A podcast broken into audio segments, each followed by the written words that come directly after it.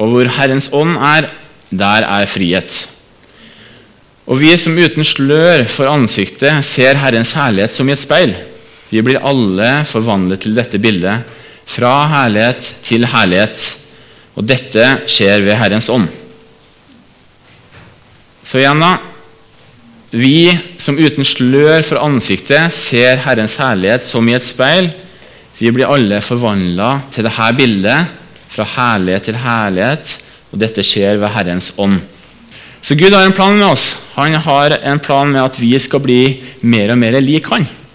Og Da er det beste vi kan gjøre, vet du, det er å, å gå til kilden. Hva er det Guds ord forteller oss? Hva er det Gud forteller oss om hvem var Jesus? Hvordan var han? Og hva tenkte Jesus? Har dere tenkt noen gang på hva var det egentlig Jesus tenkte på?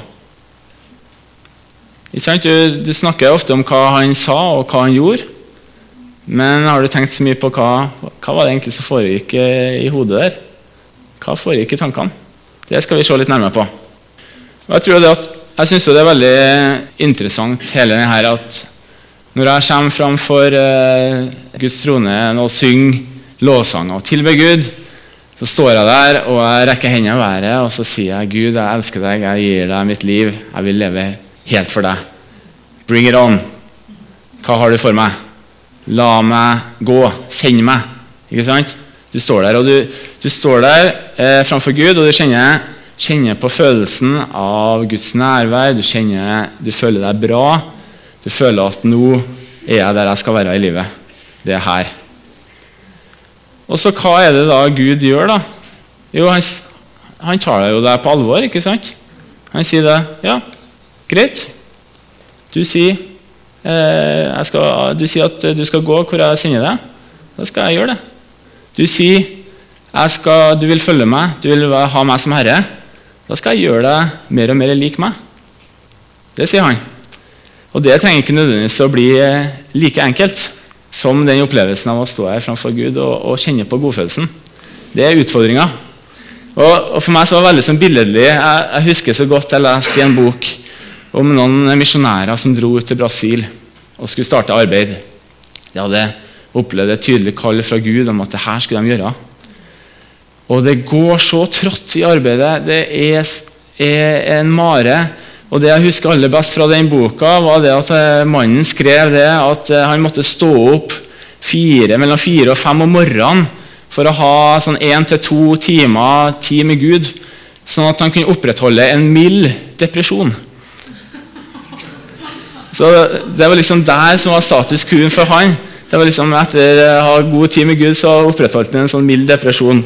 Og det, det bare var bare så billedlig for meg hvor tøft det var egentlig for, eh, for de her. Og, og det er et, et, bilde på det at det, er, det kan være beintøft å gjøre det som Gud sier at du skal gjøre. Og Derfor så er vi nødt til å lære oss å tenke på en riktig måte. Sånn at når du møter ting som er, er utfordringer, når det stormer, da, som Tone delte om her i stad, så vet vi hvordan vi skal takle det. Det er mye enklere å takle den irriterende kollegaen på jobb eller han irriterende eh, medstudenten som hele tida sier de kjedelige tingene og pirker borti deg på ting du ikke har lyst til å bli pirka på. Det er veldig mye enklere å leve av hvis du, hvis du istedenfor irritere deg over det, tenker at ja, kanskje er det Gud som har sendt han der for å, for å gjøre meg mer lik han. Enn om det. Tenk om det. Det er jo ikke sikkert, men tenk om det. I hvert fall så kan Gud bruke det. Og da med en gang du skifter det fokuset Det er kanskje ikke hver dag du klarer det. ikke sant? En dag så er du eh, Yes, i dag klarte jeg det. I dag eh, møtte jeg ham med en stort smil. Dagen etterpå så er du kanskje ikke der. Men det er nåde i det der. Så vi tar med oss det. At det er ikke sikkert at det hver dag det er, er, er, så enkelt, men vi skal møte de her utfordringene med bevissthet på hva er det som foregår oppi her. Vi skal være bevisst på det. Og Det skal vi lære oss det, og vi skal lære av mesteren sjøl, Jesus. Så, og hvorfor, hvorfor er det sånn at vi egentlig kan se på Jesus? Vi vet jo at Jesus han var Gud. Jesus var Gud. Og så hører vi jo det blir sagt Ja, Jesus var Gud, og han var 100% menneske. Og Så går det der litt med en sånn baktanke ja, ja, men han var jo Gud, så det må jo være mye enklere enn, enn det vi opplever det. Ikke sant? Du går der og kanskje tenker litt sånn. Men hva er det, hva er det Guds ord sier til oss? Hvis du blir med meg til Hebreerbrevet kapittel 2 står det i, fra vers 17 Derfor måtte han på alle måter bli lik sine søsken, så han kunne være en barmhjertig og trofast øversteprest for Gud og sone folkets synder. Fordi han selv led og ble fristet, kan han hjelpe dem som blir fristet. Derfor, hellige søsken, dere som har fått del i det himmelske kallet, se på Jesus, den utsendingen og øverste prest som vi bekjenner. Det er en klar anmodning. La oss se på Jesus. Han ble sendt på jorda som menneske. Han kjente på de samme fristelsene som vi eh, kan kjenne på. Og Jeg syns det er bare så eh, stor trøst i det. Fordi det betyr det at jeg kan gå til Guds ord, og så vet jeg det at når jeg leser om Jesus, så vet jeg det at jammen meg han der har opplevd og, kjent på de samme tingene som jeg har kjent på. Kanskje i en helt annen skala og, og andre settinger, men, men likevel. Så, så, når vi da skal eh, se på hvordan vi kan endre, og, endre sinnet vårt og bli mer lik Jesus, så er det faktisk nyttig å gå til Guds ord og lese om hva er det han gjør. Og Hvis vi tenker etter da, når var denne, Hvilken situasjon var det Jesus var mest pressa i i løpet av eh, det livet som vi leser om i Bibelen? For Det er jo ofte sånn at det er i de situasjonene du blir mest pressa, du virkelig får se hva er det som bor i deg. Ikke sant? Det, du vet ikke hvordan du reagerer i en trafikkulykke for eksempel, før du har vært i en. Eller i en krigssituasjon. Du vet ikke det før du har, opplevd det. Fordi det er noe som er bare iboende i det. Så det er veldig interessant å se på. Hvordan reagerer Jesus på en, en episode som er bare for tøff til at et menneske egentlig skal tåle det? Og Da har jeg lyst til at vi skal gå til Matteusevangeliet. Matteusevangeliet kapittel 26. Vi skal lese fra når Jesus var i Getsemane. Så jeg starter fra vers 36, eh, kapittel 26, vers 36. Så kom Jesus sammen med disiplene til et sted som heter Getsemane, og han sa til dem.: «Eh, Sett dere her mens jeg går dit bort og ber. Han tok med seg Peter og de to CBD-sønnene, og han ble grepet av sorg og gru. Sorg og gru der, altså. Det er sterke følelser. Da sa han til dem, 'Min sjel er tynget til døden av sorg. Bli her og våk med meg.' Han gikk fram et lite stykke, kasta seg ned med ansiktet med jorda og sa, 'Min far, er det mulig, så la dette begeret gå meg forbi.' Men ikke som jeg vil, bare som du vil. Da han kom tilbake til disiplene og fant dem sovende, sa han til Peter.: Så klarte dere ikke å våke med meg en eneste time. Våk og be om at dere ikke må komme i fristelse. Ånden er villig, men kroppen er svak. Igjen, for andre gang, gikk han bort og ba. Min far, om ikke dette begeret kan gå forbi meg, og jeg må drikke det, så la viljen din skje. Da han kom tilbake, fant han dem igjen sovende, for øynene deres var tunge av søvn. Nå forlot han dem og gikk på ny bort og ba den samme bønnen for tredje gang. Så kom han tilbake til disiplene og sa, 'Dere sover og hviler fremdeles.' 'Nå er stunden kommet da menneskesønnen skal overgis i synderhender.' 'Stå opp, la oss gå. Han som forråder meg, er nær.' Jeg synes det det er, det er, veldig interessant å lese om det her, fordi det er så tydelig at, uh, at Jesus her kjenner på de her følelsene som er så tungt i han. Han vet hva han går til. ikke sant? Han vet hva Gud har kalt han til, til å gjøre. Og Likevel da, så går han bort og ber da. Gud, er det noen mulighet til å løse det her på en annen måte? Ikke sant? Man kan spørre hvorfor ber han det i det hele tatt. Han, han vet jo det. ikke sant? Men han er som oss. Han er som et menneske. Han kjenner på følelser, han kjenner på sorg, han kjenner på gru. Han er redd. Han er redd for det han vet han skal gå gjennom. Og så er det interessant, for jeg syns det da, det står jo her at han ber det samme, eh, samme tre ganger. Men hvis du ser på forskjellen da, på det som står på den første bønnen og den andre bønnen, så syns jeg det er en endring der også. For I første bønnen da, så sier han da at eh, er det mulig, så la dette begeret gå meg forbi. Men ikke som jeg vil, bare som du vil. Neste bønn er Min far, om ikke dette begeret kan gå forbi meg, og jeg må drikke det, så la viljen din skje. Så nesten som det har, har blitt en litt sånn mer erkjennelse fra, fra den første bønna til, til, den neste. At uh, nå er jeg litt sånn Ok, jeg forstår at dette er noe jeg må bare gjøre. Eh, så hvis det er sånn, så må du bare la det skje. Og Du ser det også på måten han kommer tilbake til disiplene på. Første gangen så er han litt sånn «Eh, Hvorfor er dere ikke her og, og våker med meg? Dette er det viktigste som skjer i historien, og så sover dere. Ikke sant? Han kjenner på, på sorg. Han ønsker å stå sammen med andre. Neste gang han kommer tilbake, så står det ikke at han sier noe i det hele tatt. Vi vet jo ikke, men det står bare at han, han går tilbake, ser at de sover. Og så står det da går tilbake og ber en tredje gang. Så ber han da en tredje gang. Og når han kommer tilbake da, så syns jeg det var litt eh, interessant, for jeg leste i, i, en annen bibeloversettelse, en engelsk oversettelse. Og da, der sto det eh, Bare hvil dere. Ha, bare hvil dere. Og Min opplevelse, da, også når jeg leser den norske versjonen, er at, at tonen er en viss eh, Det er litt forskjell på tonen. For Når han kommer tilbake siste gang, så sier han ja, greit, dere har hvila, men nå reis dere opp. Nå skjer det. Jeg synes det, litt, det, det, jeg har lyst til å bare få fram her, er de menneskelige aspektene ved Jesus. Jesus var perfekt. Ingen tvil om det. Ikke sant? Sier, og det vet vi at det å ha, kjenne på sorg, det å kjenne på redsel, det å kjenne på fristelse Da snakker vi ikke om at det er synd. ikke sant? Det er en del av det å være menneske. Men Jesus kjenner på de her følelsene, og hva gjør han? Jo, han går til Gud. Ikke sant? Han går framfor Gud, og han legger det framfor Gud, og, og han legger det av der.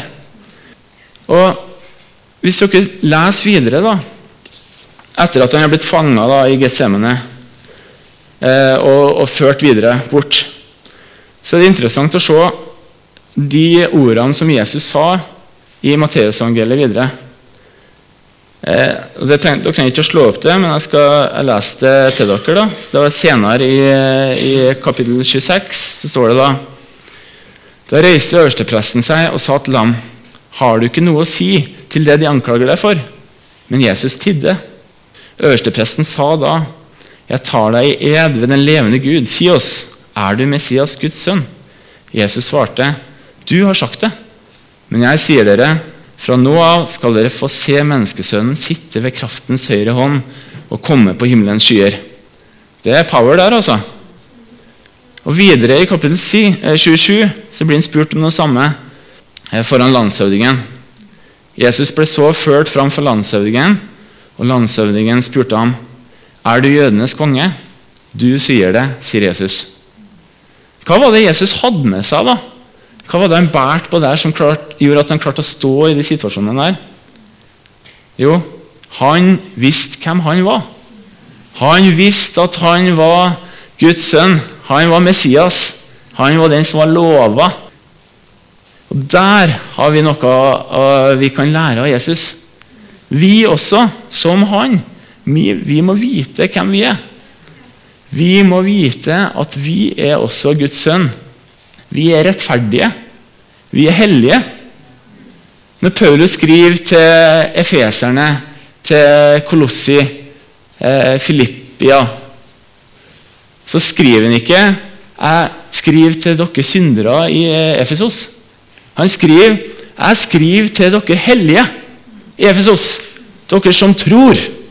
Ikke sant? Det er ikke snakk om at han snakker til folk som går rundt der og, og skal og kalle seg sjøl for syndere. Nei, jeg skriver til dere hellige. Det er deres identitet.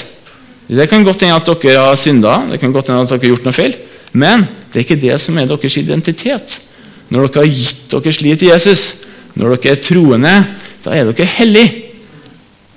Så det er den identiteten vi må bare ta til oss og, og gripe og holde fast på. Vi er hellige, vi er rettferdige, vi er Guds barn. Alt er mulig for den som tror, sa Jesus. Det kan vi holde fast på. Og, og i hverdagen da, så bruker jeg det her veldig mye, faktisk.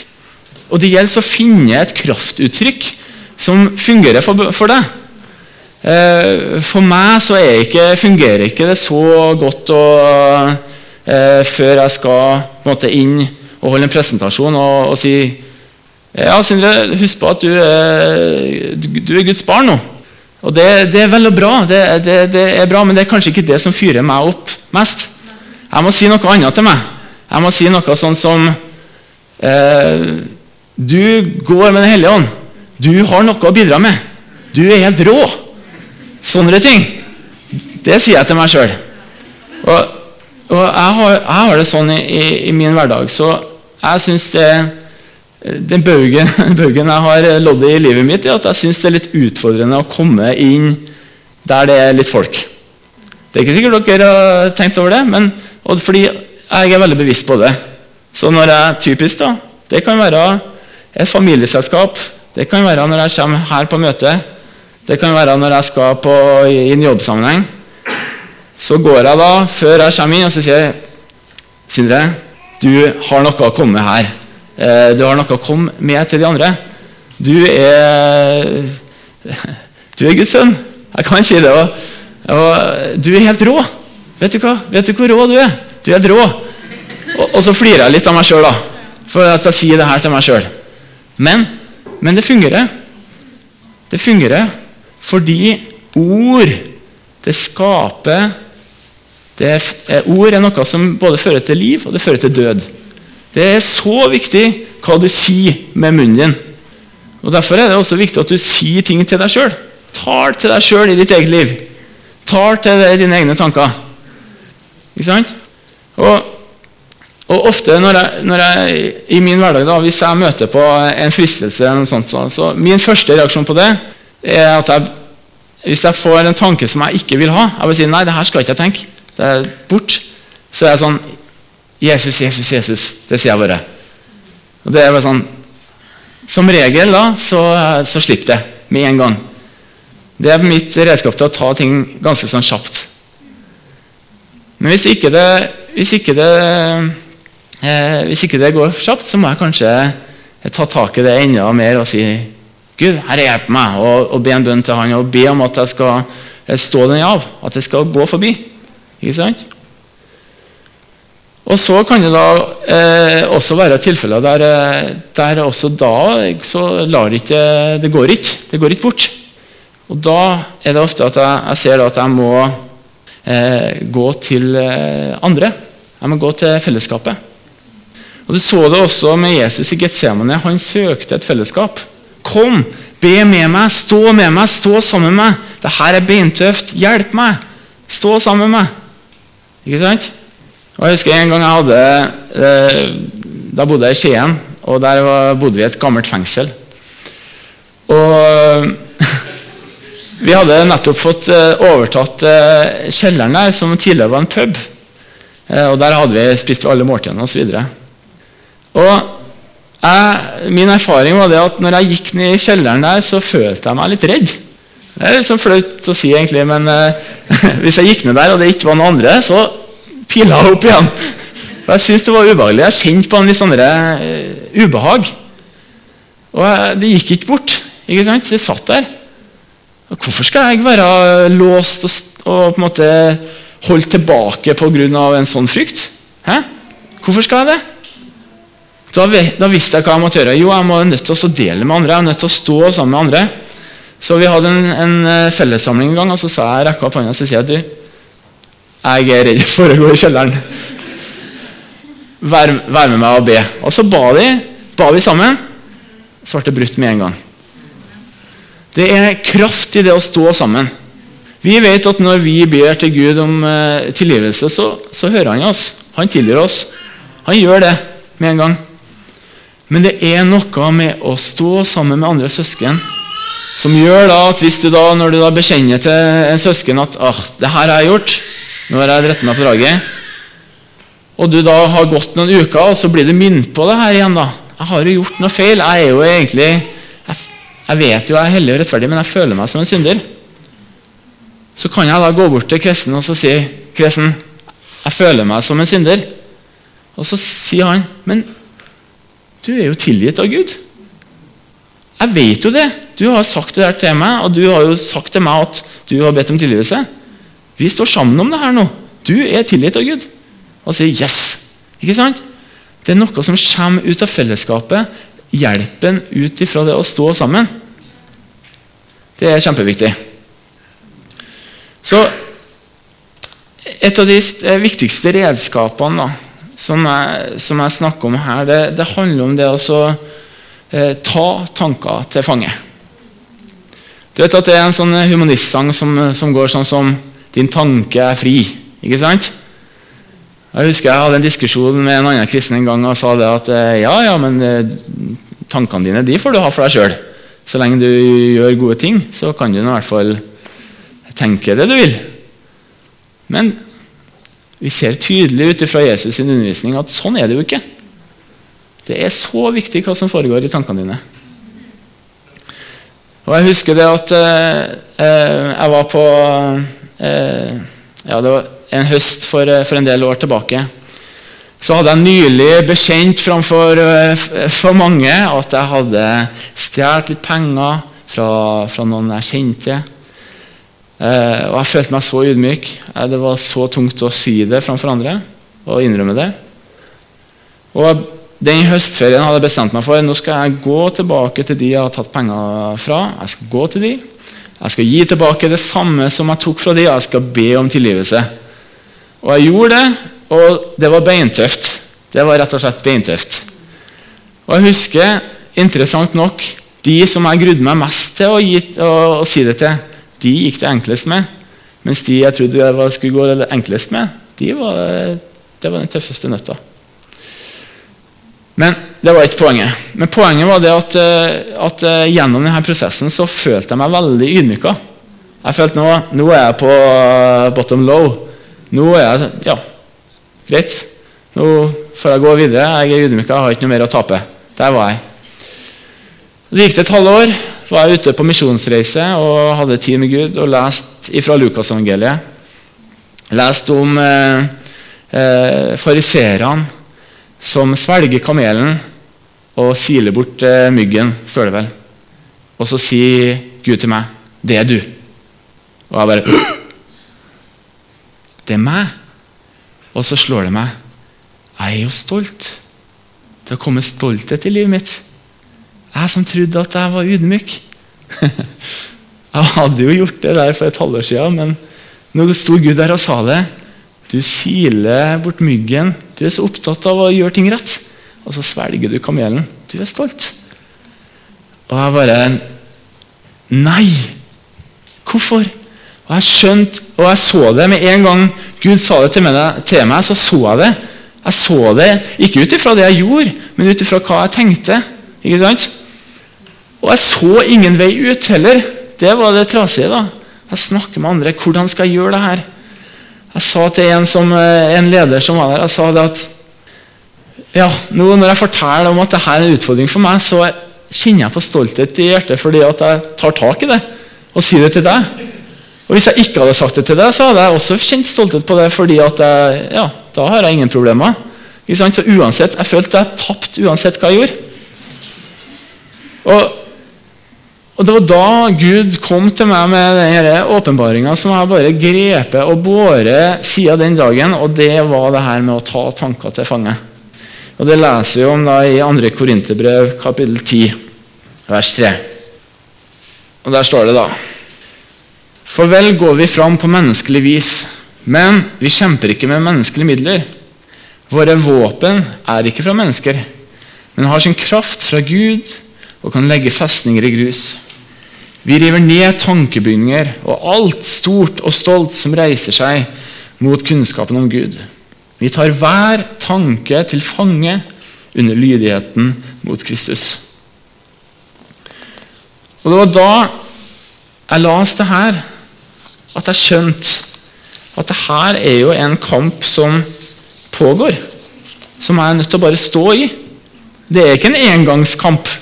Det er ikke bare én gang å ydmyke seg, så er du liksom checkmark ydmyk eh, rest of your life. Det er ikke sånn. Du er nødt til å bære med deg, eh, bære med deg de våpnene resten av livet.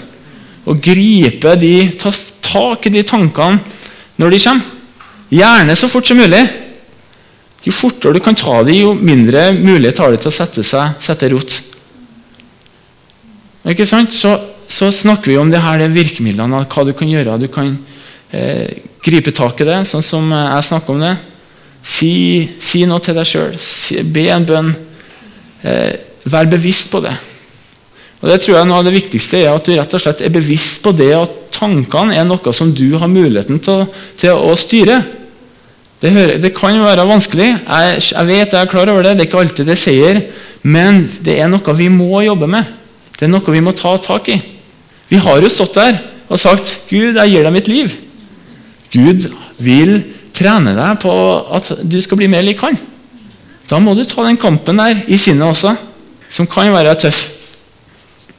Så, og så har vi da det her fellesskapet da, som vil komme, komme oss til, til, til hjelp i det her som gjør at vi kan stå sammen og komme styrka ut av det. Så En annen side ved det her å, å vinne eh, et kamp som pågår i sinnet, og det er det å ha perspektiv på livet. Hva slags perspektiv har du på livet ditt? For meg så har det vært litt sånn i siste, siste året så har jeg begynt å tenke på jammen meg, det her livet er kort. Det, det, har jeg ikke tenkt på så mye før, men det har jeg tenkt på i siste. Og vet du hva? Jesus sa jo det at, eh, at jeg skal komme igjen, og det skjer snart. ikke sant? Og, ofte, og jeg tenker at Når vi leser det, så tenker vi at det her er jo snakk om eh, endetida, den siste dagen, at det er Guds dom og sånt. Men sjøl om du lever et godt liv til du er 95 år 95 år er utrolig kort tid. Det er det. Det går utrolig fort. Plutselig så er du 30. Plutselig så, Når du er 30, så er du plutselig 50. og sånn går det videre. Og årene går. Vet du hva? Vi er nødt til å gripe dagen. Og Guds ord og det Jesus snakker om, det er så gæli et i dag-ord. Min nåde er ny i dag. Ikke bekymre deg for morgendagen. 'Jeg skal forsørge deg i dag'. Ikke sant? Så når vi går ut der og sår såkorn og, og, gjør gode ting til andre, eh, så gjør vi det i dag. Og hvis vi ikke gjorde det i går, så kan vi gjøre det i dag. Så det er ingen fordømmelse i det heller. vet du. Det, er, det handler om i dag, og det er så godt. Da kan vi legge det som var før, og det som var bak, det kan vi legge bak. Vi kan ha perspektiv på det at det her livet det er, det er jammen meg godt, men det er kort. Vi har mye godt i vente, men det er i dag vi skal gripe dagen. Det vi skal ha fokus på. Selv om jeg tidligere også har snakka om det her med maratonløp, at det er det vi står i. Det er et kjempeviktig perspektiv, det òg. Men Guds nåde er ny hver dag. Det skal, vi, det skal vi holde fast på. Og så og så har jeg lyst til å, å ta med enda noe fra eh, perspektiv fra, fra mitt eh, arbeidsliv òg. Og det er det her med også hvordan vi tjener, tjener Gud i hverdagen. Og hvordan vi, vi, tenker rundt det vi gjør. Og det at eh, Kanskje vi kan lære oss det og trene oss på det og tenke at alt det vi gjør hver dag, i dag, det er noe vi gjør for Herren. Først og fremst. Først og fremst for Herren, og så for mennesker. Og Da kommer det ikke an på egentlig hva er det vi gjør. Det, er, det blir nesten irrelevant hva vi gjør. Hvilken jobb det er. Eh, om du er hjemme med, med ungene, eller om du er hjemme med konene, eller om du er med venner, eller om du er, eh, er på jobb, eller om du er en student. Uansett hva det er. Gjør jobben som om det var for Herren. Ikke sant? Finn motivasjon i det. For Vi snakker ofte om det. og Jeg, jeg har hatt veldig mye fokus på det tidligere, men jeg kjente nå i, i vår så var jeg nødt til å gripe det igjen. Ta det tak i, i det. Sannelig, vet du hva, denne mannen skal jeg være. Jeg skal være den mannen som, eh, som eh, gjør det jeg gjør for Herren. Ikke sant? Da finner du en helt annen motivasjon. Ikke sant?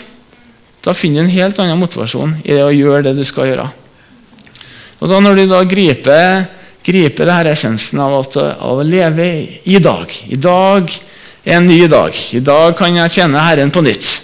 Det har ikke noe å si hva det er. Det, det, har ikke noe å si om du nødvendigvis eh, sier ordet Jesus i løpet av hele dagen heller. Men jeg skal jammen meg kjenne Herren med det jeg gjør.